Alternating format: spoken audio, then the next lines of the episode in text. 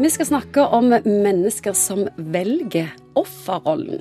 Kanskje de har blitt hersa med lenge, blitt usynliggjort, latterliggjort. Kanskje er det en vond oppvekst. Du føler deg mobba på jobb, og er kanskje nå ute av stand til å både jobbe og kjempe. Og så blir en der en er, og syns synd i seg sjøl. Psykolog Egon Hagen, hvorfor velger noen offerrollen? Går litt tilbake igjen, Når folk kommer til psykolog med den type problemstillinger, så er det det, det de ikke trenger, det er at de blir syntes synd på. For de er allerede blitt syntes synd på så, av så mange at uh, så vi må på en måte finne en vinkling på dette som gjør at vi greier å, å liksom tenne en gnist, eller se at det er andre måter å være på, f.eks. Når folk kommer til deg, vet de da at de har tatt offerrollen, eller kommer de med andre ting? Noen vet det, og andre liksom mer har en sånn svære haug med smerte. egentlig De bare liksom får dytta inn forbi døra og sier om igjen og om igjen så får jeg feil partner, eller om igjen og om igjen så, så får jeg ikke sånn som fortjent. Og, og Det selvfølgelig kan være veldig sammensatte grunner til at det er sånn. En grunn er at du har trening i å komme ut i den type posisjoner. Selv om situasjonen sånn sett er kjip og, og, og du syns at du har det forferdelig, så er det i hvert fall en situasjon som er kjent. Og så er det òg for mange sånn at de opplever at, at det høres nesten kanskje litt sprøtt ut, men at det, det kjente kan noen gang òg gi en form for trygghet. Også på en måte langtidsparkerer du egentlig i ei rolle, og du tør liksom aldri å begynne å fly opp fra betongen. Du liksom er der nede i null. Og så det å begynne å tenke at ting kan bli bra, eller at du kan være heldig og finne ut av kjærligheten og få deg en flott jobb, det er på en måte tanker som har òg en mulig failure eller nederlag i seg. Risiko. Risiko, ja. Sånn at jeg sier no guts, no glory. Sånn er det med, med kjærligheten, og sånn er det òg faktisk med terapi. Du må på en måte tørre å ta et skritt ut i noe som noen ganger er ukjent. Hvorfor er det sånn at eh, mennesker kan ha opplevd det samme? To mennesker kan ha hatt like vond oppvekst, kanskje mm. misbruk og fæle ting. Den ene bruker det til noe, den andre er et offer for livstid.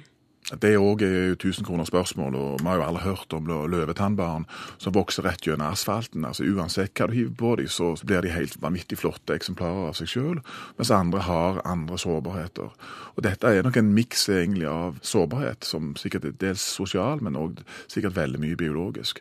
Hva er forskjellen i tankegangen når et menneske trer ut av en offerrolle og gjør noe med livet sitt?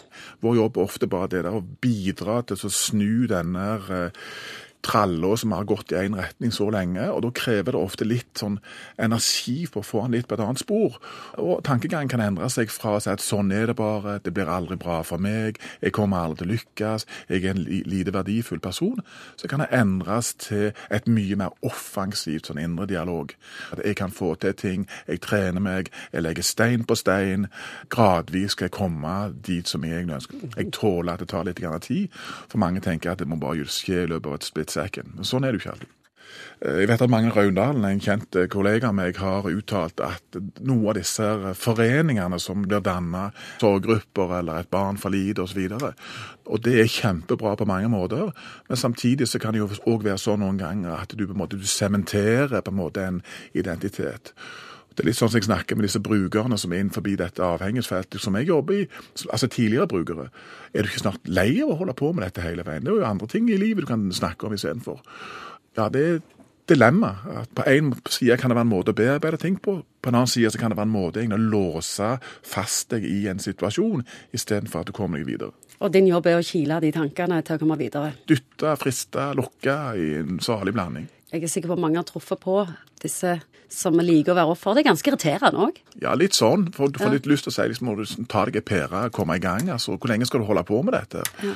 Og, en, og, sånn som jeg har sagt til mange òg, at én eh, ting er at du har hatt en vanskelig oppvekst og litt sånn, men du kan ikke holde på med det hele livet.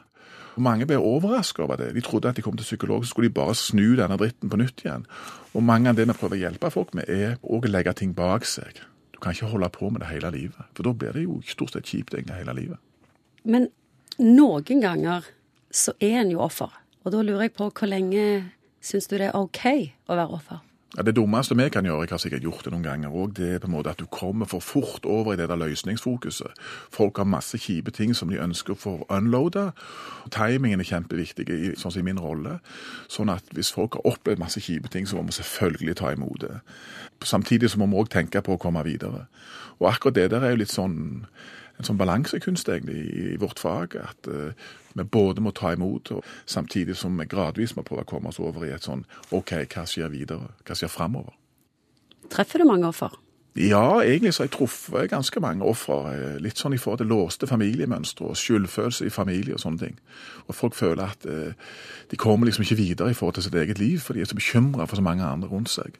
Og det kan òg være en form for offer, egentlig, hvor eh, du prøver liksom å ta på deg skylda for andres dumheter eller andre valg.